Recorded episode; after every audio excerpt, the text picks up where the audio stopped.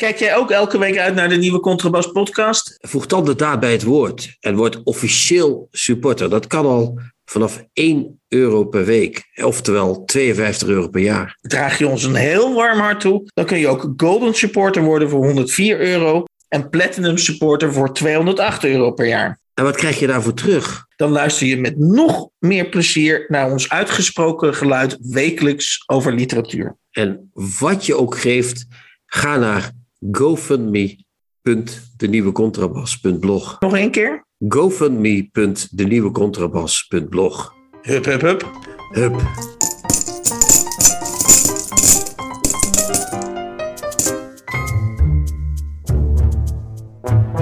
De nieuwe Contrabas.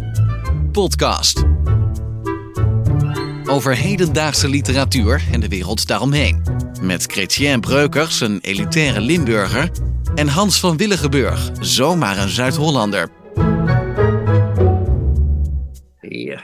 Het nieuwe seizoen. Hè? De vo- voetballers beginnen aan een nieuw seizoen eh, met allerlei nieuwe transfers, verse spelers. En eh, ons seizoen, eh, wij- maken ook de overstap van het seizoen 21-22 naar het verwachtingsvolle seizoen eh 22-23. ja, de selectie is fit, Hans. Of niet soms? Wat, wat zien we er goed uit allemaal? Jemie, nee zeg. Je, bent, je ziet eruit alsof je echt net eh, in een Porsche uit Duitsland bent komen rijden. Ik ben eh, een weekje in Praag geweest. En Erik, ja, die ziet eruit, die is zongebrand is die echt. Die ziet er helemaal... eh, die ziet er echt uit alsof hij alle techniek in de wereld aan kan. eh. Dus er is geen enkele reden meer waarom we niet, zou- niet zouden gaan vlammen in deze. Met, deze selectie kunnen we nog een jaartje verder. Zeg maar.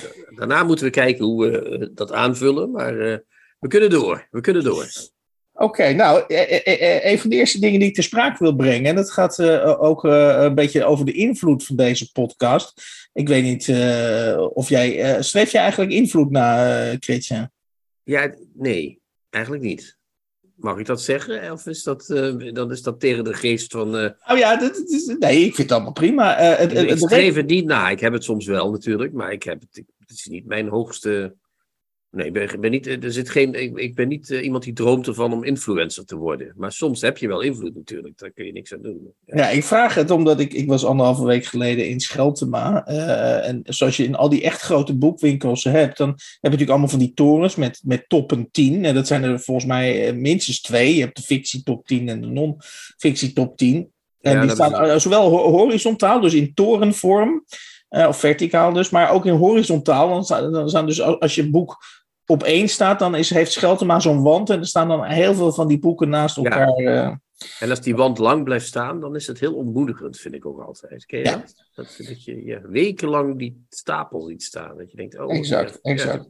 Eh, ja, je hoeft natuurlijk tegenwoordig niet te komen, want je kunt ook gewoon boeken bestellen via internet. Maar dan zijn we, geloof ik, zijn we daar eigenlijk ideologisch tegen. eh, tegen boeken Niet ideologisch tegen, maar onze lieve luisteraars vinden dat de boekhandel lief is. En dat vinden wij ook, natuurlijk. Oké.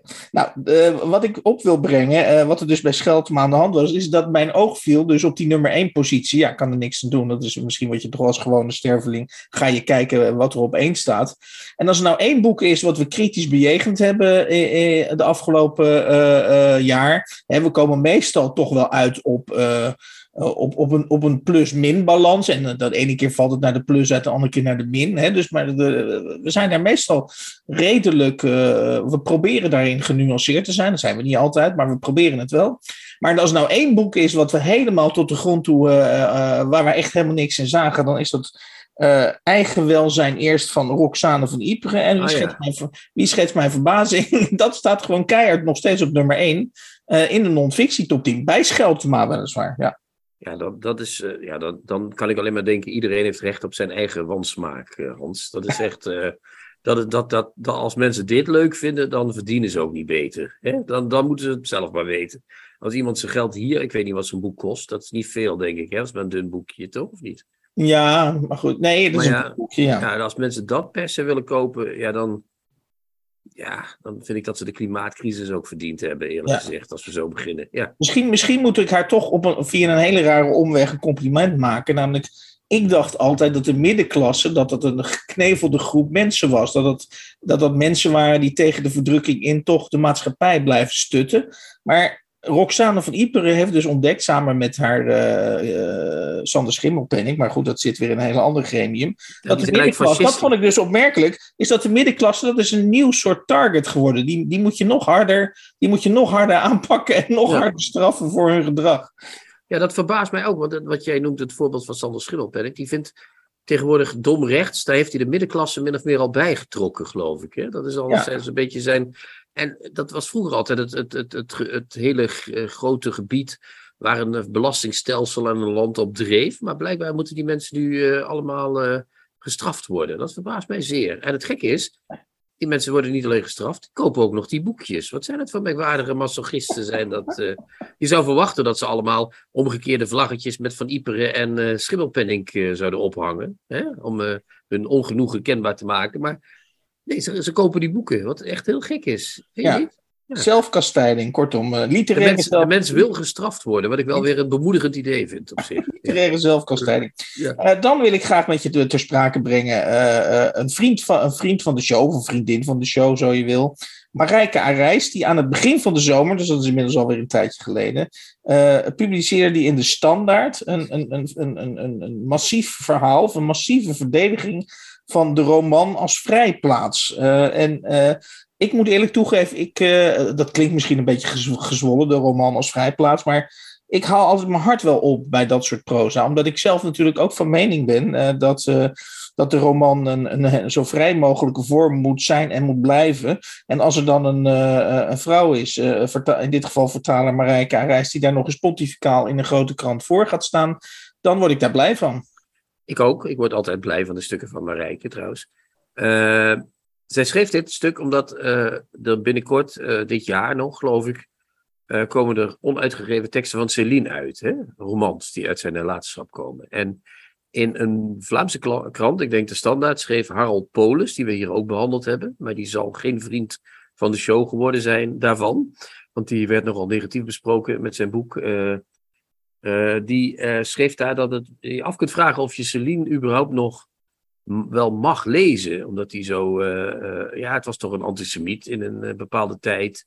het was nogal een rare man met wat extreme opvattingen. Dus kun je zo'n roman eigenlijk nog wel lezen? En in dat verband heeft hij dus een lans gebroken opnieuw voor de roman als vrijplaats.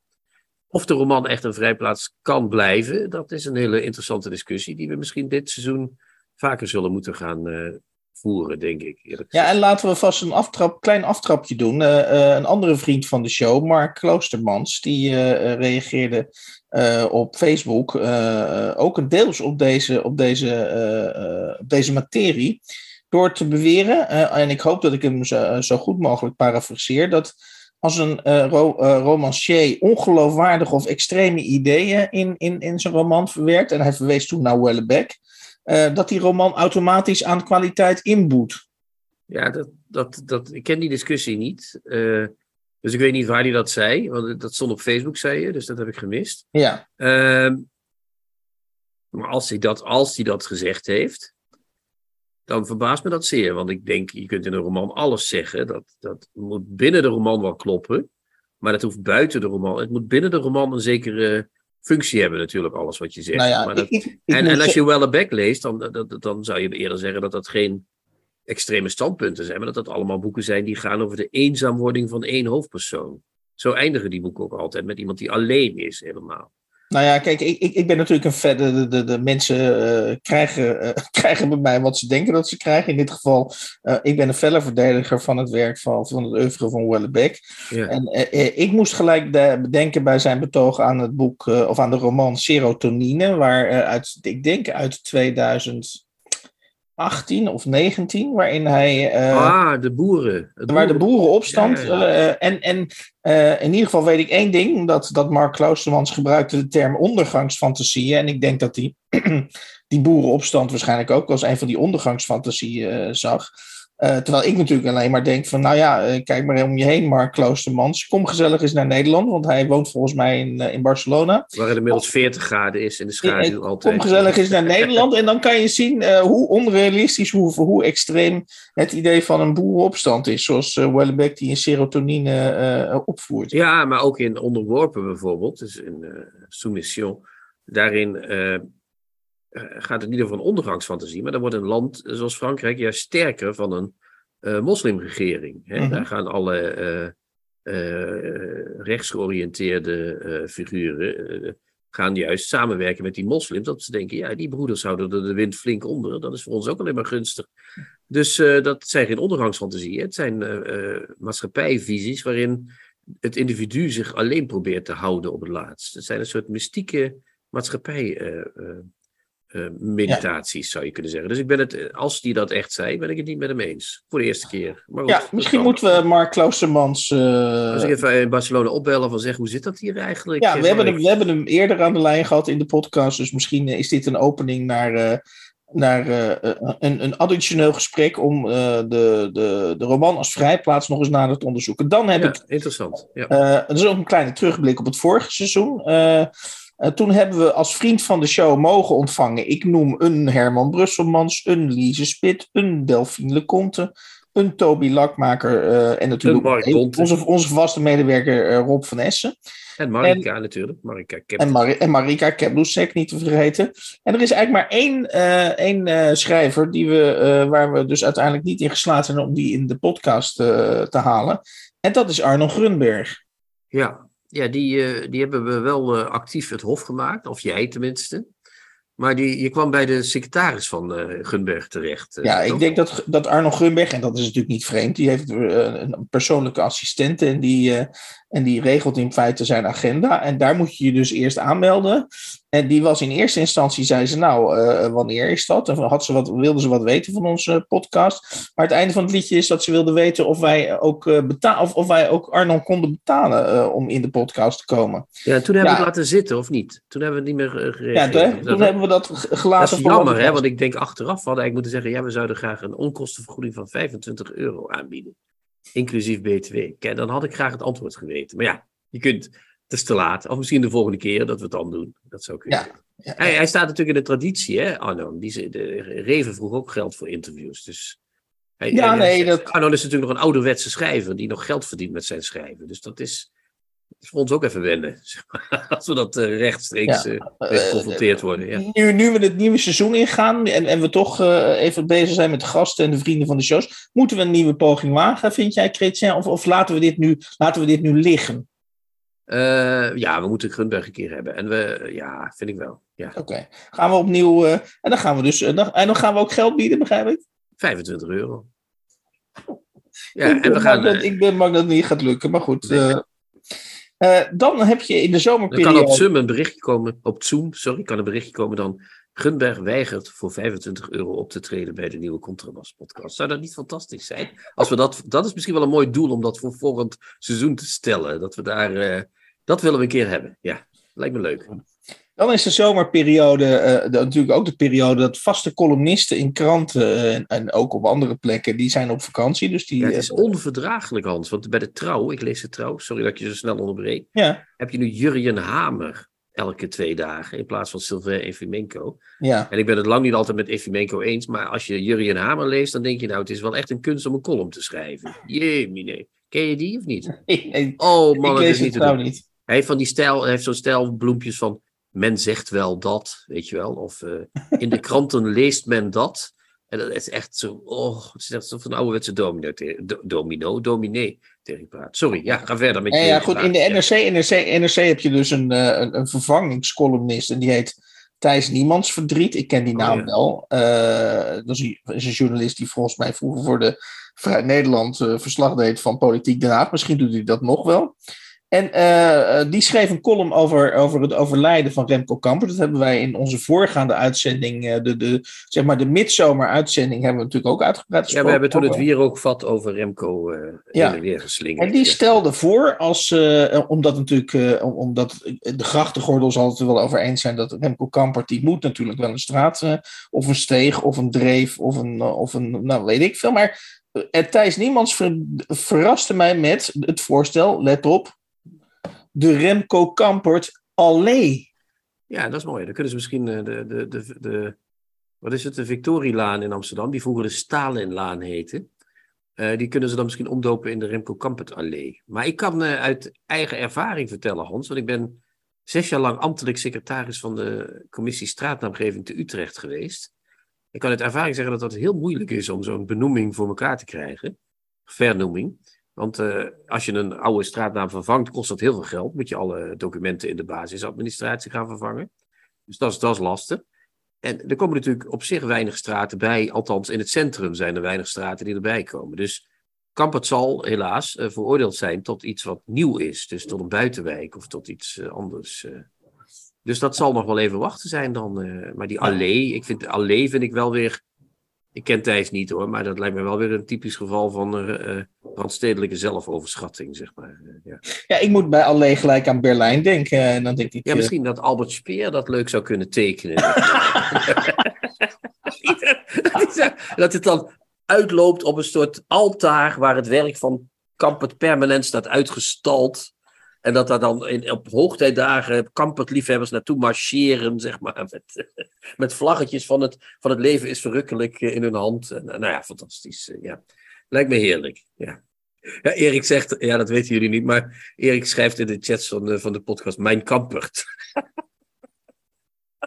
Zo heet het verzamelde werk van Remco Kampert in Mijn Kampert. Dat is fantastisch. Ja, ja, wat een goed idee. We moeten de bezige bij meteen mailen morgen. dat, we, dat we een geweldig marketingidee hebben. Ja. Oké, ja. Uh, nou ben je natuurlijk de man, Chrétien, van, van, van, de, van de gevleugelde uitspraak: uh, prijzennieuws is geen nieuws. Dat klopt. Uh, en toch ga ik, uh, ga ik deze er even ingooien, namelijk dat de Zoom-prijs, en voor mensen die niet weten wat het sorry, de Zoom-prijs, Zoom, want we zijn gecorrigeerd. Ja, ja, ja. ja de Zoom-prijs, wat ik, wat ik als ik heel eerlijk ben, Chrétien, uh, dan was, ik de enige, ja. was ik de, ongeveer de enige prijs waarvan ik nog het idee had, nou, daar zou ik, zou ik heel misschien wel voor, ja. ooit voor in aanmerking kunnen komen. Hè? Me heerlijk, ja. ja. Eén zin, één zin. Hè? De, even voor de mensen die de Zoom-prijs niet kennen. Dat was een jaarlijkse prijs, of is een jaarlijkse prijs, maar... Voor de beste uh, zin, hè, boek. Voor de beste, liter, voor de beste zin uit een literair, uit Nederlandstalig literair En, en genomineerd door de lezer zelf ook. Uh. Ja, genomineerd door de lezer zelf. En... Uh, die, die prijs, maar dat vind je dus geen nieuws. Dus ik, ik zeg dat enigszins aarzelend. Uh, uh, die is opgehouden. En dat vind ik dus. dat, ik denk ik, nou, als er één prijs makkelijk in de lucht te houden is, dan is het deze prijs. Ja, zij vonden dat, het, dat ze het jurywerk te serieus namen. Toch? Oh, dat weet ik niet. ja, dat stond, in, dat stond in het berichtje dat ze zichzelf te veel serieus gingen nemen als jury. Dus dat, dat is eigenlijk, ja, dat is dan in wezen goed nieuws. Want dat betekent dat ze ook dat hele jurygedoe niet helemaal serieus kunnen nemen. Maar ik ben het wel met je eens dat het jammer is dat de prijs verdwijnt. Het, ja, ja, ik en vond ik het toch dus altijd heel even. graag... Ja, ja, ga door. Het was ook een prijs waar je, net zoals alle goede prijzen, ook lekker aan kon ergeren, natuurlijk. Hè? Dan las je zo'n zin en dan dacht je, nou, dat kan ik beter. dat was niet waar natuurlijk, maar uh, ja, je begrijpt wat ik bedoel. Hè? Dat is Ja, ja, een goede prijs moet ook een beetje ergernis opwekken. Dat is ook Ja. eerlijk, toch? Ja. En, en nu zou ik eventjes eh, een, een, een- op zijn minst één of twee zinnen, die ooit gewonnen hebben, natuurlijk willen voorlezen. Ja, Eh, weet ik, ik weet ook al wat je gekozen hebt, denk ik. nee, maar ik, goed, eh, dan moet ik dus even, eh, ik- even knippen, want dan moet ik even, dan Oh, moet ik ja, even opzoeken. Ik dacht dat je stiekem die van Pieter ging doen. En dat ik dan zei, nou, dat is een mooie zin. En dat je zei, dat is nou van Pieter water drinken. Ze hebben ooit uh, Boudewijn Buug op televisie genaaid.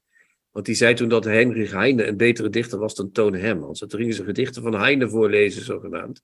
En dat waren allemaal gedichten van Toon Hermans. En toen zei hij, ja, dat is toch schitterend. En toen bleek het dus van Toon Hermans te zijn. Vond hij niet leuk. Oké, nou hier heb ik ze even kijken. Wat vond ik, geloof 2013 vond ik heel erg mooi. ja. Ja, Oké, laat eens komen, die handel.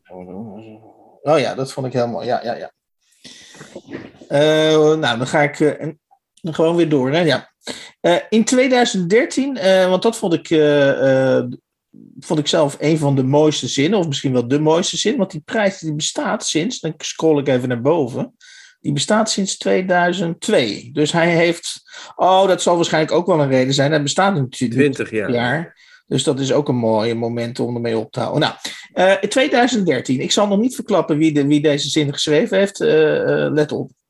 Het was dinsdagavond kwart voor acht en een van de laatste dagen van oktober in het roemruchte stervensjaar van de gulden.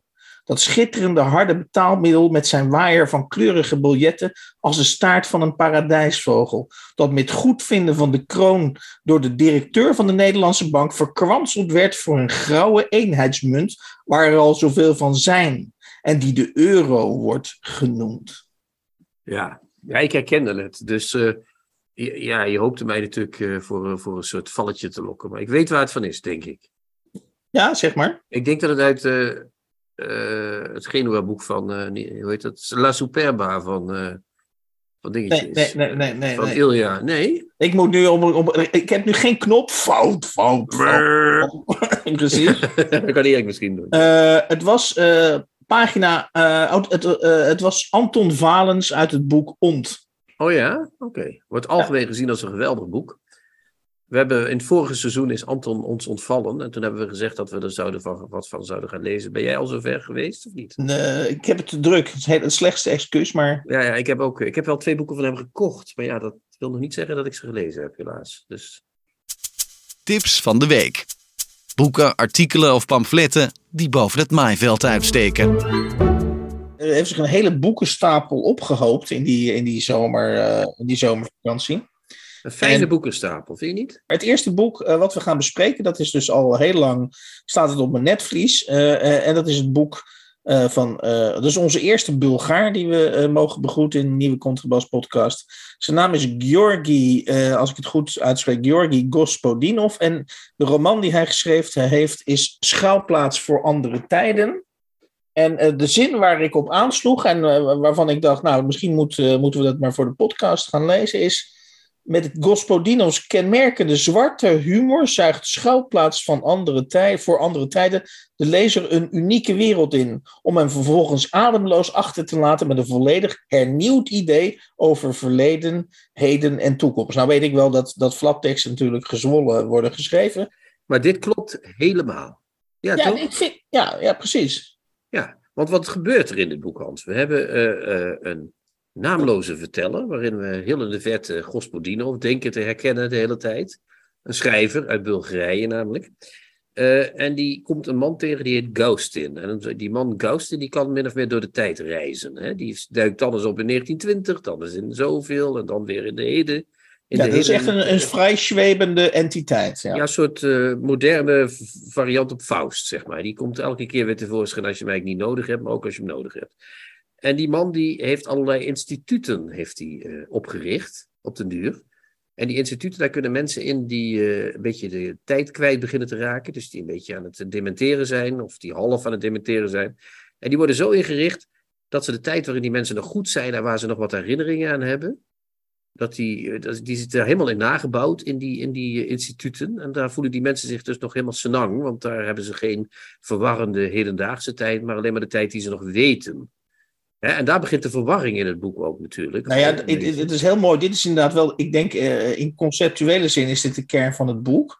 ja. Maar het aardige inderdaad van, van het boek zelf. Is, ten eerste is het, is, ervaar ik het als lezer als een soort grabbelton van allerlei verschillende personages en tijden. En, en, en eh, ik kan me voorstellen dat sommige lezers denken van, nou, waar gaat het allemaal heen? En had dit er ook niet uitgekund? Dus ga, Ja. absoluut, ga absoluut niet denken dat dit een lineair plot is. Daar kom ik zo op Eh, terug. Eh, Ga maar, ga maar door. Maar daar, dat, dat, dat, daar kom ik aan het eind denk ik nog op terug. Maar goed, ga Ja. verder. Ja. Maar het aardige, volgens mij is het aardige van het boek dat, de, om dat, dat de oorsprong is in feite dat het een medi- want dat zeg je terecht, het is een soort medicinale reden, namelijk die mensen zijn dementerend en die zouden beter worden of minder slecht als ze kunnen onderduiken of terug kunnen gaan naar de tijden dat ze nog goed waren. Maar gaandeweg die eh, roman, en dat vind ik hartstikke interessant, eh, komt het er eigenlijk op neer dat Europa aan het vergrijzen is en dat eh, zeg maar de, de, de doelgroep om, om eh, steeds groter werd. En dan zitten we ook een beetje in de, in de Pfeifferiaanse dynamiek, namelijk Europa is slechts verleden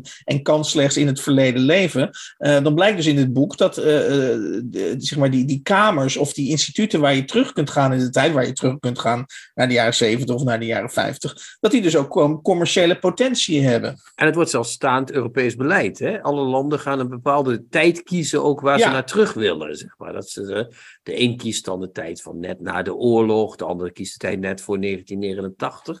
Wat we wel kunnen zeggen is dat de meeste landen kiezen een tijd die wij zelf zouden, nu zouden noemen de, eh, rond het Koude Oorlog ergens. Zeg maar, hè? Maar of dat nou met de, met de leeftijd, want de, de, auteur is, is van 1968. Dus als die eh, over zijn eigen jeugd eh, schrijft, en het is een Bulgaar, dan kom je inderdaad uit in de, in, in achter het ijzeren gordijn. Ja, maar ik denk dat dat ook te maken heeft met het feit dat dit een boek over Europa is, natuurlijk.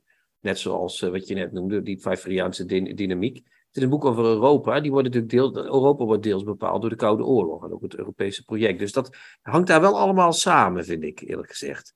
Uh, en de derde is natuurlijk uh, dat, de, dat dat dan op de duur niet alleen staand Europees beleid wordt, maar dat het ook uh, de markt opgaat. Dat, dat, verleden, dat verleden verkopen aan mensen, dat wordt een marktding. Dat wordt een heel succesvol marktding ook. Hè? Die, die, die Gaustin, dat wordt, die wordt echt het hoofd van een enorme imperium.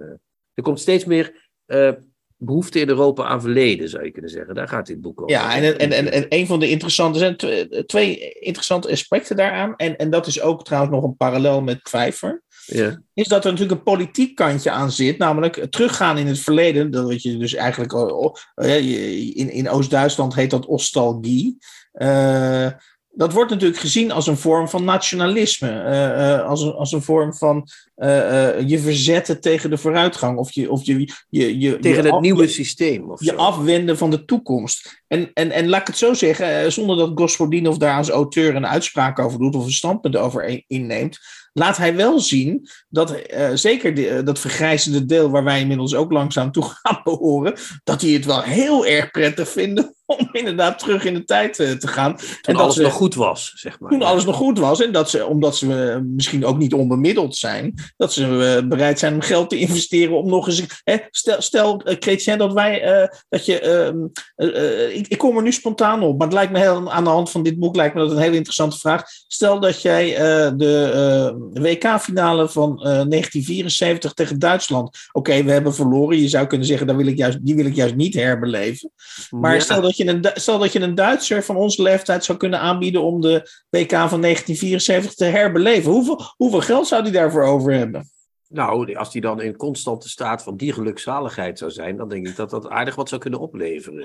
Exact. Je hebt, je hebt zo'n film van, van Rainer uh, Werner Vastbinder. Uh, of hoe heette die? Rainer Werner? Ja, weer Rainer Werner Vastbinder. Die, had een, uh, die heeft zo'n film waarin die. Op de achtergrond hoor je daar steeds de gewonnen finale van 54 op de achtergrond. De oh ja, tegen Hongarije. Tegen Hongarije. Ja, en daar hoor je ook steeds. En dat, ook die mensen zijn dan helemaal blij ook. En de, de, de, dus ik snap, uh, ja, dat, dat, dat, er zit een markt. Jij, zo, jij zoekt nu meer de marktpotentie, zeg maar. Mhm. Het, zegt, het, het, boek zegt natuurlijk ook iets heel treurigs of iets heel droevigs. Of hoe moet je dat eigenlijk in dit geval zeggen? Meer een soort zwarte humor, namelijk dat Europa steeds meer verleden wordt. En steeds minder toekomst natuurlijk. Hè? Dat is wat Gospodinov natuurlijk zegt tegen ons. Het is een schuilplaats, wordt het letterlijk voor andere tijden, zoals de titel zegt. Europa is niet meer. En jij zei net uh, in het begin van de bespreking dat je vindt dat er heel veel in staat waarvan je denkt het kan eruit. Maar het, boek is ook een beetje opgezet als een fading memory, zeg maar. Dus er komen steeds, al die brokstukken komen steeds maar tevoorschijn van dan weer dit en dan weer dat. Dus ik denk dat hij het ook, ik, ik denk wel dat er dingen uitgekund hadden, daar ben ik met je eens. Maar dat hij het bewust zo in elkaar gezet heeft. Dat hij dacht, ik flikker er gewoon alles in wat ik nog weet. En uh, dat probeer ik dan zo gestructureerd mogelijk te doen. En dan heb ik mijn boek. En ik vind het uiteindelijk, doordat het te veel is, misschien net geen meesterwerk. Maar ik moet wel zeggen dat ik toch wel om was aan het eind. Jij niet?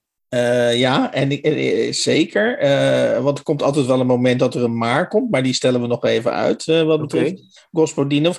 Eén ding wil ik er nog even uitpikken. Want dat, dat vind ik echt heel interessant. Dat heb ik echt met heel veel plezier gelezen is dat er op een gegeven moment sprake is van een Bulgaarse schrijver. Dat is volgens mij trouwens niet Gospodinov zelf, maar dat is een wat oudere schrijver. Uh, die midden in de tijd van de Koude Oorlog, uh, net als in de film Das Leben der Anderen, geschaduwd wordt door iemand van de Bulgaarse geheime dienst. En uh, uh, voor die schrijver, uh, die wil dus, nou dat is dus ook een, in zekere zin zwarte humor, die wil terug naar die onderdrukkende periode. En die wil niets liever dan afspreken met, zijn, met de geheime agent die hem toen schaduwde. En die toen dagelijks, zoals we ook uit het leven der anderen weten, die, die moest dagelijks een rapport maken over wat deze potentieel dissidente schrijver allemaal deed. En, dat, en, en die schrijver was tijdens de periode dat hij geschaduwd werd, was hij heel erg verliefd of, of, of beleefde hij een romance met een fantastisch mooie vrouw. En dus hij, hij wil niets liever dan dat, dat die spion die hem volgde, dat hij uit de eerste hand nog eens zijn oude dagboekjes ja. uh, op, op, uh, opdiept. En, en ja, dat dan... is zijn finale van 74, zeg maar. Daar wordt ja, hij gelukkig ja, dat, van. van ja, dat vond, ik zo, dat vond ik zo mooi. Dat is heel ontroerend en dat is ook mooi. En dat zegt ook een beetje, dat geeft ook wat je nu zegt, deze scènes, die geven ook een beetje de werkwijze van Gospodinov weer. Want hij maakt van iets verschrikkelijks, namelijk dat iedereen iedereen in de gaten hield in, in, in, die, in dat systeem. Maakte iets fantastisch natuurlijk. Namelijk die man, die, die, wilde, die is natuurlijk zelf na de verloop van tijd dat geluk een beetje kwijt. Dat is een beetje vervaagd door de tijd. Maar die, die man weet nog, uit, van de notities zijn er nog, van dat gebeurde er toen. Dus die man, die man is dolgelukkig dat hij dat. Nou, dat vind ik zo mooi hoe hij dat uh, weet te doen. Dus dat, dat, dat trok mij ook over de streep, dat soort dingen. Dat ik denk, ja, dit is echt schrijven, weet je wel. Dat ja, kijk, eigenlijk, en dat is misschien ook weer die zwarte humor. Maar het, was, het is natuurlijk eigenlijk het feit dat hij gevolgd werd. En dat de staat investe investeerde in, in het schaduwen van hem. Dat is eigenlijk uh, een bewijs van zijn sterrendom, van zijn sterrendom van toen. Ja, dat is zijn ster. Ja, maar niet alleen zijn sterrendom. Want dat interesseert hem dus blijkbaar niet. Maar dat hij dan ook letterlijk nog een stukje van zijn eigen verleden terugkrijgt. Ja, dat zullen wij nooit. Uh, wij krijgen dat alleen maar terug als, als wij achteraf ook blijken te zijn gevolgd uh, door iemand, uh, zeg maar. Maar hij krijgt het zomaar terug. Ja, dat ja die, die kans is, acht ik zeer klein, ja. Ja, nou, je weet het niet dan. Ze zijn achter ons. Ja, heb uh, bij Thierry Baudet gehoord dat het allemaal heel uh, moeilijk is. Uh, ja. Dat is een grapje, mensen. Hè? Wij geloven daar niet in. Nee. Oké, okay. tot zover uh, Gospodinov. Ja. kunnen we afronden met een, een, een, dikke, een dikke duim omhoog, wat mij betreft. En wat mij betreft dus een aanrader. Ja, ik, ik, ik vind een dikke duim omhoog. En ja, het is een fantastisch, a very good read. ja. Dan gaan we naar het tweede boek. En dat is, uh, uh, dat, dat is eigenlijk een soort tweeluik. Dat wil ik, uh, zou ik heel graag in samenspraak met het de, de, de, derde boek bespreken. Het eerste boek wat we gaan bespreken, of het eerstvolgende boek, dat is Bloedlijn, een nieuwe roman van Amélie Nothomb, een Waalse schrijfster. En het boek dat we daarna gaan bespreken is Buitenleven van Nina Polak. Maar eerst gaan we dus naar Amélie Nothomb. Ja, die heeft nu weer een roman geschreven. Schrijft elk jaar, staat op de achterflap, maar is ook vaker in interviews gezegd, drie romans waarvan ze er één publiceert. Heeft dus een soort halve, publie, zeg maar halve productie van Simenon, die ongeveer zes boeken per jaar schreef. Maar die publiceerde ze gewoon allemaal. Uh, maar ze publiceert één boek per jaar. Dat is ook echt een gebeurtenis in Frankrijk, in de Franstalige wereld. Hè, de nieuwe Noton. Maakt vaak mooie sprookjesachtige romans die, die als sprookjes zijn opgezet. Het is een, echt een duidelijk verhaaltje. Begint daar en dan komt er een olifant met een grote snuit en die blaast het verhaaltje uit. Uh, baseert zich vaak op autobiografische uh, gebeurtenissen. Uh, maar heeft nu echt een letterlijk een boek geschreven over haar vader. Een roman geschreven over haar vader. Ja. Moet ik nog even iets zeggen over het geslacht waar ze uitkomt? Want ze komt uit een ja, adellijk, ja. Ja, ja, ze komt uit een adellijk geslacht dat aan de grondslag ligt van, de Bel van België. Uh, een uh, verre voorvader van haar heeft meegeschreven aan de grondwet van België. Uh, mm-hmm. En haar vader die was lang diplomaat. in, onder andere in Japan, maar ook in Stanleyville. En daar gaat het boek over. Hè? Daar zit die vader als dit boek zich afspeelt. Daar was Stanleyville in de toenmalige Congo. Hè? Daar was revolutie. Daar, de Belgen gingen daar weg. daar was van alles te doen in dat oude gebied van Belgisch Congo is allerlei, zijn allerlei opstanden. En de vader van uh, Noto, Patrick Noto, wordt met een uh, aantal mede-Belgen, in totaal een stuk of uh, 20, 30, gegijzeld. En die opstandelingen zeggen, als wij niet onze zin krijgen, en ze willen natuurlijk van alles en nog wat, en de macht, dan schieten we al die Vlamingen en Walen dood. En daar zijn ze al een stuk mee begonnen. Hè. Af en toe wordt er al eentje afgeknapt, maar die vader is niet voor niks diplomaat, dus die bemoeit zich heel actief in dat boek. En die vertelt dus in dat boek ook dat hele verhaal van hoe hij probeert dat te voorkomen. En dat ladeert hij met zijn eigen levensverhaal. Alles wat je, alles wat je zegt klopt. Maar uh, als mensen nu denken: oh, dat, wordt, dat is een boek wat zich grotendeels in de Congo afspeelt. Dat is Totaal het dus niet. niet. Nee, dat, dat is het dus niet. Uh, want, want in feite, dat, dat verhaal uh, van de Congo, dat, dat is een soort raam. Dat is een soort raam waarbinnen zich uh, waarbinnen de roman zich afspeelt. En, en de echte roman, zou ik bijna zeggen, dat bedoel ik natuurlijk. Maar het echte verhaal is de jeugd en het opgroeien van oh. haar vader in, in, uh, ja, in de hogere kringen van, uh, of tenminste deels in de hogere kringen van Brussel en, en, en Wallonië. Ja, en nog veel specifieker zou je kunnen zeggen dat dit boek erover gaat, want die Patrick Neutron heeft op het moment dat hij gegijzeld wordt en zijn verhaal begint te vertellen, heeft hij twee kinderen, een zoon en een dochter. En hij uh, staat als het boek begint voor het vuurpeloton, want ze dreigen hem toch dood te schieten. Ja, dat en, is dus een pakkend begin, dat kan je dat, Ja, dat is bijna een soort marques, hè, van de dag waarop uh, de generaal voor het vuurpeloton stond, bla bla bla. Uh, maar als dat gebeurd was, eh, daar in dat boek, eh, wat in dat boek staat, dat hij, was afge, dat hij voor het vuurpeloton was ge- gezet en was eh, afgeschoten, dan was Nothomb nooit geboren, Amélie. Want die moet nog geboren worden als dit boek eh, begint. Namelijk voor dat vuurpeloton. Dus het feit dat die vader op het laatst net gered wordt. Nu, is een kleine spoiler, moet ik eerlijk zeggen. Maar goed, dat is op zich voor het hele boek niet zo heel belangrijk. Eh, het feit dat dit boek geschreven kon worden, is ook de reden dat zij nog überhaupt bestaat, zeg maar. Ja, Hè? Dus, eh, ja, dat, is, dat vind ik toch weer mooi, vind ik dat. Jij niet? Eh, zeker. En, en ik moet erbij zeggen, ik weet dat het voor jij, jij hebt al meerdere boeken van haar gelezen. En voor mij was het dus een eerste kennismaking eh, met Amélie Nothomb. En eh, ik moet zeggen, dat beviel me enorm. Ja, maar wat ik, jij moet, ik moet van je altijd één woord opschrijven, of twee of zo. En ik heb opgeschreven schrijfplezier. Dat is het eerste wat ik altijd bij Notor heb. Dat is, je weet, ze, ze, ze, ze vindt het zo fantastisch om dat te schrijven. Dat vind ik echt heerlijk, vind ik dat. Nee, ik, ik, dat, dat is precies wat dat, dat zou ik. ik- Ik heb in dit geval niet één woord gekozen om een boek te typeren, maar dat zou ook absoluut een, boek, een woord kunnen zijn wat ik geko- gekozen had kunnen hebben, als dit een goede zin, hè, eh, zin is. Jawel. Eh, ik moet denken aan wat ik laatst bij Arie Storm, die had het laatst op de radio over ehm, eh, ehm, de gekunsteldheid van literatuur. Hè? Dat, dat hij zei van ja, eh, eh, op, je, bent je altijd, of je blijft je altijd bewust van het feit dat je een boek zit te lezen. Dat er, dat er niet echt een leeuw of echt een krokodil op je afkomt. En eh, te pretenderen dat dat wel zo is, dat vond hij eigenlijk ook onzin. Hè? Met andere woorden, literatuur is gekunsteld. En dat vond ik dus het bijzondere aan het lezen van Noton, is dat ik, ik zelf merkte dat ik me zo totaal met de vader van Noton vereenzelvigde. Dus dat ik dus, ik, ik lag zelf in dat wiegje in Brussel en ik ging zelf eh, op bezoek eh, bij de familie in, eh, in, in, in het zuiden van Wallonië. Dus ik ging, ik ging echt naadloos op in dat verhaal. En ja, maar dat komt dus- doordat zij dus het heel mooi opschrijft. schrijfplezier te maken. Juist. Ja. Als zij het niet gekunsteld opgeschreven had, want als zij het allemaal maar. De manier waarop zij de feiten ordent en jou presenteert, die slepen jou mee. Dus de kunst sleep je mee, Zeker. denk ik. Want je lag natuurlijk niet echt in dat wiegje. Of je kreeg niet echt Nee, niet, maar niet te eten bij klopt. die rijke mensen, enzovoort. Dus ja. Ja. Dus dat is, de- ze is echt een groot schrijfster, is het echt. eh, die Zeker, Ja, ja, zeker. Ja. En ik heb het sprookjes achter. Ik vind haar echt een sprookjesverteller, vind ik. Dat zijn de twee dingen die mij altijd opvallen. En ik ben echt. Ik kan, ik kan nooit wachten tot het boek weer uitkomt, het jaarlijkse boek van haar. Ik vind het echt fantastisch. Ik heb één zin in pagina 91 eh, opgeschreven, eh, eh, gewoon omdat ik daar. eh, dat is niet een hele lange sumzin. Ik kan alvast verklappen dat het een. eh, het wordt waarschijnlijk ook geen prijs winnen. Eh, In, België bestaat die prijs niet, dus die, die zin zal eh, eh, eh, geen prijs winnen. Maar goed, hij wordt, de prijs is eigenlijk dat ik, dat ik hem nu in de nieuwe Contrabas podcast eh, naar voren haal. En dat is op pagina 91. En dat, ja, het is, het is misschien niet een heel bijzondere zin, maar het, het, het, het geeft toch dat schrijfplezier en, en, en, en toch die enorme vaardigheid die zij heeft, volgens mij goed weer. Als je twee weken lang kou hebt geleden, is het warm krijgen een bezigheid die je helemaal in beslag neemt. Ja, dat is toch schitterend. Ja. Nou, daar is ze dus echt heel goed in. Eh, Ja, ja, ja, ja. ja.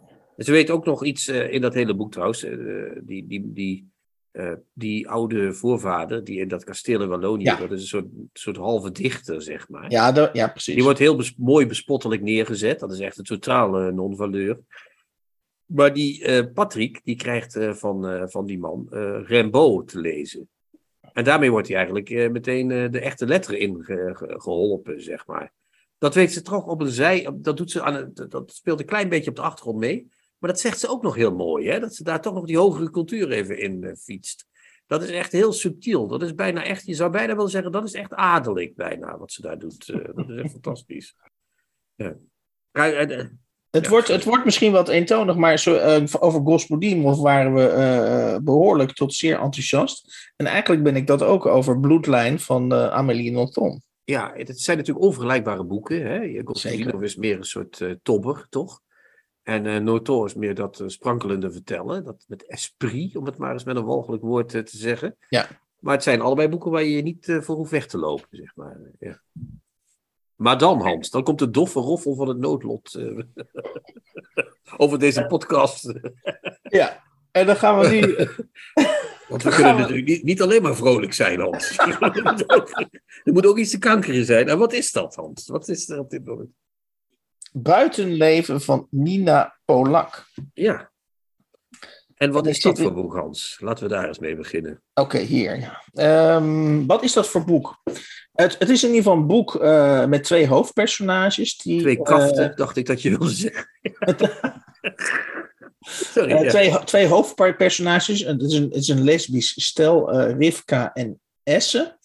En die besluiten aan het begin van het boek eh, besluiten die, eh, te verhuizen vanuit de stad, hè, dus vanuit het urbane. eh, Waarschijnlijk ze- Amsterdam, of niet? Ja, of Den waarschijnlijk Haag of Amsterdam. zo. Den Haag of Amsterdam. Nou. Maakt niet uit. In ieder geval, op een of andere manier is het idee bij hen gegroeid om, om de drukte te, te ontvluchten. Ja, En- om het milieu ook te ontzien en zo. Hè? Dat soort, er zitten hele nobele Ja, achter. Ja, ja. En dan, dan, gaan ze, dan gaan ze dus naar het noorden, eh, naar een fictief plaatsje, want ik denk niet dat het echt bestaat, naar een fictief plaatsje waar ze dan gaan wonen. En dat is eh, Onderweer. En eh, jij, jij vroeg aan mij, wat voor soort boek is dit? Eh, het feit dat, het, dat ze zich dus verplaatsen naar Onderweer, dat eh, eigenlijk alle actie zich in en rond Onderweer afspeelt, eh, dat geeft dat, dit boek iets toneelmatigs. Eh, eh, ehm, en dat, dat zou mijn typering van dit boek zijn. Het is een boek over een relatie dus van een lesbisch stel tot elkaar. En wat, wat tijdens het boek blijkt, om even een kleine indruk te geven wat de ontwikkeling in het boek is. Eh, de iets meer stadse Rivka, eh, die inderdaad uit de Randstad komt, die, die blijkt anders te reageren op die verhuizing. Ja, je kunt zeggen, ja, dat ligt nogal voor de hand. Als je een ander verleden hebt, dan reageer je er anders op. Dan Essen, want Essen is eh, van zichzelf, komt ze al uit de provincie. En ja, die reageert dus anders op, op het feit dat ze naar het Hoge Noorden verhuizen. Ja, en die Rivka, waarin we heel voorzichtig in de eh, Nina Polak denken te herkennen. Toch? Hè? Eh, Ja, ooit, suc- succesvol wat zeg je dat gedebuteerd. mooi voorwaardelijk? Ja, ja. Ja, ooit, ooit succesvol gedebuteerd. eh, daarna een beetje eh, moeite met het vinden van een vaste vorm. Gaat om, ook een beetje om die schrijfcarrière weer eens een flinke slinger te geven naar dat platteland. Maar die Rivka vindt dat hele platteland eigenlijk maar een hele walgelijke toestand, geloof ik. Hè? Toch? Ik vind er iets van neerbuigendheid in zitten, maar dat zal wel aan mij liggen. Dat weet Eh, niet. ik heb Maar- daar een voor, ik, ik heb pagina 24. eh, Oh ja. Eh, daar zegt eh, Rivka, de, dat is dus zeg maar van de twee, de grootste, degene die in de grootstedelijke eh, omgeving is opgegroeid. En dan, want dan gaan ze een beetje de omgeving inspecteren, want je woont op een nieuw, in een nieuwe omgeving. Nou, dan ga je de mensen om je heen een beetje forsen. En dan schrijft ze op pagina 24, redelijk aan het begin van het boek, over die buren waar ze net geweest is. En da- daar zit een beetje, dus de nanu, nanu, eh, daar komt hij aan, neerbuigend.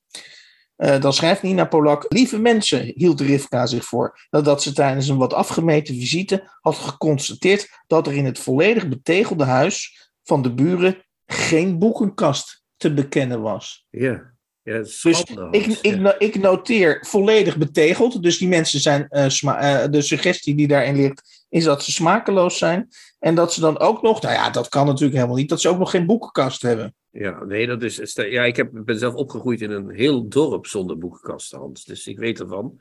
Maar ik heb echt nog nooit. Ik had voor mijn achttiende nog nooit een boekenkast gezien, zeg maar. Ja, bij de biep natuurlijk. Maar, dus eh, ja, nee, dat, dat soort neerbuigendheid zit er wel vaker in hoor. Ook als het heeft over. eh, over allerlei mensen die daar wonen. En het is toch allemaal een beetje. het is niet zo bedoeld. Het zal wel ironisch bedoeld zijn, maar het is een. Ja, als ik het. eh, Wat jij schetste net, hè, ik zie het als een boek wat gaat over iemand die eh, toch een beetje de verhouding tussen de stad en het platteland wil schetsen. Vanuit een redelijk superieur standpunt eh, vanuit de, stad bezien. Dus dat is zoals ik het boek gelezen heb. En dat is wat, dat is wat me ook een beetje tegenstond eraan, eerlijk gezegd. Ja, maar dat, dat ja, oké, nou goed, ja, kijk, we, we, we hebben Nina niet in de uitzending, dus we kunnen het er niet vragen. Maar het lijkt me raar eh, dat, dat, dat dat een missie zou zijn van ik ga nu eens namens de Randstad eh, eh, het, het, het platteland. eh, vol- volgens mij is dat helemaal niet haar intentie, maar kan ze gewoon niet anders, eh, want ze blijft. Nina Polak en ze blijft met haar wortels toch in het urbane. Ja. En vandaar dat dit boek volgens mij misschien zelfs tegen haar wil, ja, die neerbuigendheid jegens dat platteland uitstraalt. Ja, dat zou kunnen, want eh, ze heeft ook een soort. Ze wil de hele tijd, als ze gaat schrijven, heeft ze het ook de hele tijd, en dat hebben heel veel eh, schrijvers onder de 40, dan heeft het ook over dat ze dan onderzoek zou moeten doen. En dat komt er meestal op neer dat ze twee keer googelen naar iets, eh, zeg maar. En dat verbaast me ook altijd. Maar dan heeft ze ook bijvoorbeeld op een gegeven moment, heeft ze, er, komt, er speelt ook een hele toestand in dat dorp. Hè. We kunnen het verhaal niet helemaal. ver- we gaan het niet verraden, want dan, dan moet je alles vertellen. Maar er komt ook een jongen in voor, dat is de broer van een eh, jongen die ze heel leuk vindt, aardig vindt. En eh, die heet Beer. En daar gaat ze dan over schrijven, want dat fascineert haar. Dat lijkt haar een echte boer. Dat lijkt haar echt iemand van buiten. Daar kan je echt wat mee. Die is ook nog heel slecht, want die zou wel eens misdaden gepleegd kunnen hebben. maar we zullen niet zeggen of dat wel of niet het geval is. Maar dan gaat ze zeggen, op bladzijde 143. Rivka had bij de houtkachel zitten lezen en aantekeningen gekrabbeld. Vind ik ook zo'n mooi woord, hè? Krabbelen. Ze zitten lekker te krabbelen. Oh, lekker, lekker. Voor wat ze in haar hoofd al haar jongensboek noemde. Wie is Beer? Zo noemt ze die jongen, die, zo, zo, dat is die jongen, die andere, die broer van die vriend van haar. Was de meest grondige en oprechte vraag die de afgelopen tijd tot haar denken was doorgedrongen. Shitje. Het antwoord zou een bijna journalistieke benadering vereisen. Ze kon haast niet geloven hoezeer haar dat opluchtte. Even niets verzinnen. Er werden genoeg hersenspinsels de wereld in geholpen. Wat een nobel idee vond ze het ineens om haar aandacht te schenken aan iets wat al bestond. Klaar om belicht en beschreven te worden. Ja, dat, is toch ook, dat heeft toch ook iets, oneindig uh, naar superieurs. Dat soort, want het, het, zou een journalistieke benadering vereisen. Wat, wat, heeft dat nou met journalistiek te maken? Wat, wat, ja, nou ja, een van de redenen waarom ik aan het begin van, van, van, uh, van de bespreking van de Noton en, en uh, daarna dus van Polak zei: dit is eigenlijk een soort tweeluik. Alles wat je bij Noton uh, dat verhaal intrekt, wat, wat natuurlijk plooit en, en dat je meesleept, dat is bij Nina Polak is dat in allemaal. Daar zit duidelijk die schrijfster de hele tijd tussen, tussen, tussen de gebeurtenis en, en jou als lezer in. Nou ja, met, dat, dat, kan ook heel goed zijn, want we hebben ook Nina Dat kan goed zijn, ja. ja, ja. Hebben, hebben wij het ooit over Nina Weijers gehad? Nou ja, in ieder geval, die heeft ook boeken geschreven waar ze zelf, uh, die, die tweede roman, daar zit ze zelf ook steeds tussen. Maar daar werkt het wel. Maar ik vind dit echt een machteloos boek ook, echt, uh, hoe het geschreven nou, dat, is. Dat vind, nee, dat vind ik zeker niet. Ik vind het een, uh, het, is, het is, laat ik het zo zeggen, uh, het is, één personage mogen we trouwens niet, niet, niet overslaan, want dat, dat, die, die drukt namelijk een behoorlijk stempel op dit boek. er, er, er, komt een, in, in datzelfde dorp als waar ze zijn gaan wonen, woont een, een psychiater, een vrouwelijke psychiater of psycholoog.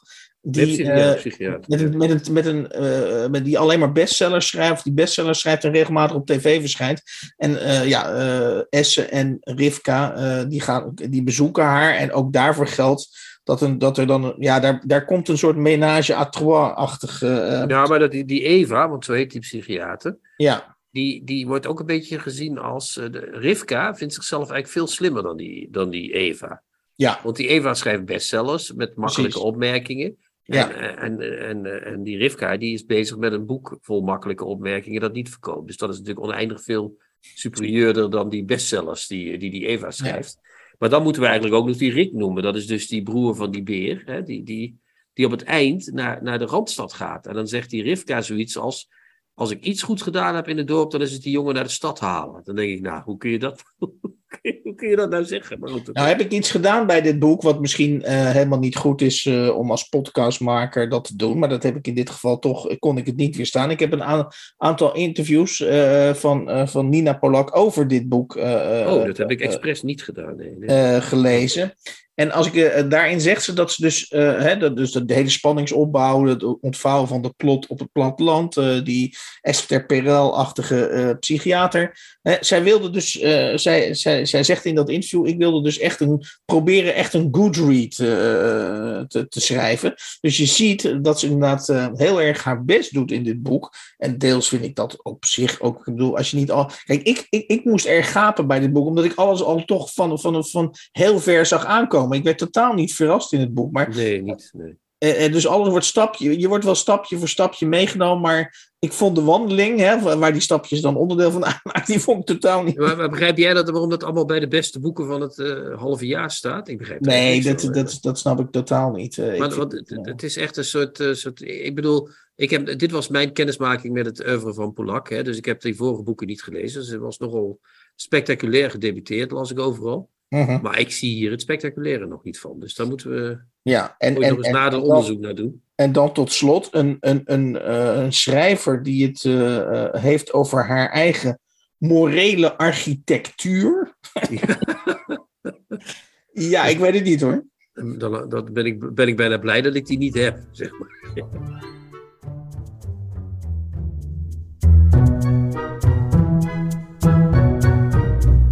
De nieuwe Contrabas. Podcast.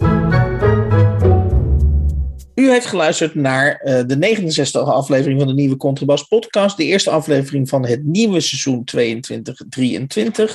En we hebben daarin besproken uh, schuilplaats voor andere tijden van de Bulgaarse schrijver Georgi Gospodinov, vertaald door Helen Kooijman en verschenen bij Ambo Antos. Dan uh, hebben we be besproken uh, de roman Bloedlijn van Amélie Nothomb. En die is vertaald door vriend van de show Marijke Arijs en verschenen bij uitgeverij Xander. allebei deze boeken zijn verschenen in 2022.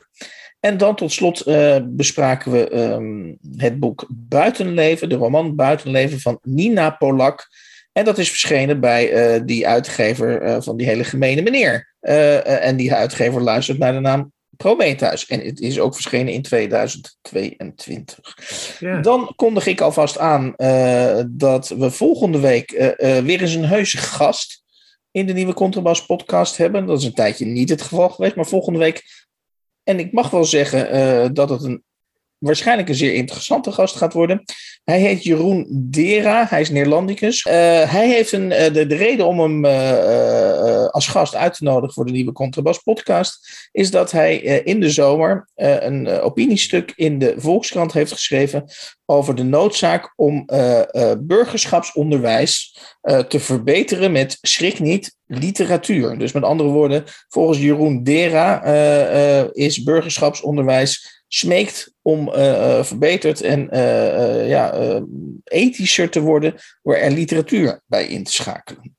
De, de, de, Chinese oplossing zou je kunnen zeggen. Ja, dus ik, moet, ik moet me sterk vergissen, Chrétien, of dat gaat een, een leuke, een leuke fitty opleveren. Nee, fitty hoeft het niet te worden. Maar ik zit er wel een week over op te vreten over dat stukje. In stilte. Okay tijdens mijn vakantie. Goed. goed dus daar gaan, we, dan, uh, daar gaan we dan met Jeroen Dera over spreken. Dat gaan we zeker doen. En tot die tijd gaan we tegen onze luisteraars zeggen: tjoe en tot de volgende keer. Dus. En luister, en luister nog even naar aflevering 68, de laatste van het vorige seizoen. Daar maken we een Knausgaardiaanse bespreking van Knausgaard. Dus dat moet iedereen nog even bijluisteren. Denk ook aan onze oude afleveringen, lieve mensen. Chin chin. Ciao, ciao. Kijk jij ook elke week uit naar de nieuwe Contrabas podcast? Voeg dan de daad bij het woord en word officieel supporter. Dat kan al vanaf 1 euro per week, oftewel 52 euro per jaar. Draag je ons een heel warm hart toe, dan kun je ook Golden Supporter worden voor 104 euro en Platinum Supporter voor 208 euro per jaar. En wat krijg je daarvoor terug? Dan luister je met nog meer plezier naar ons uitgesproken geluid wekelijks over literatuur. En wat je ook geeft, ga naar gofundme.denieuwecontrabas.blog. Nog één keer? gofundme.denieuwecontrabas.blog. Hup, hup, hup. Hup.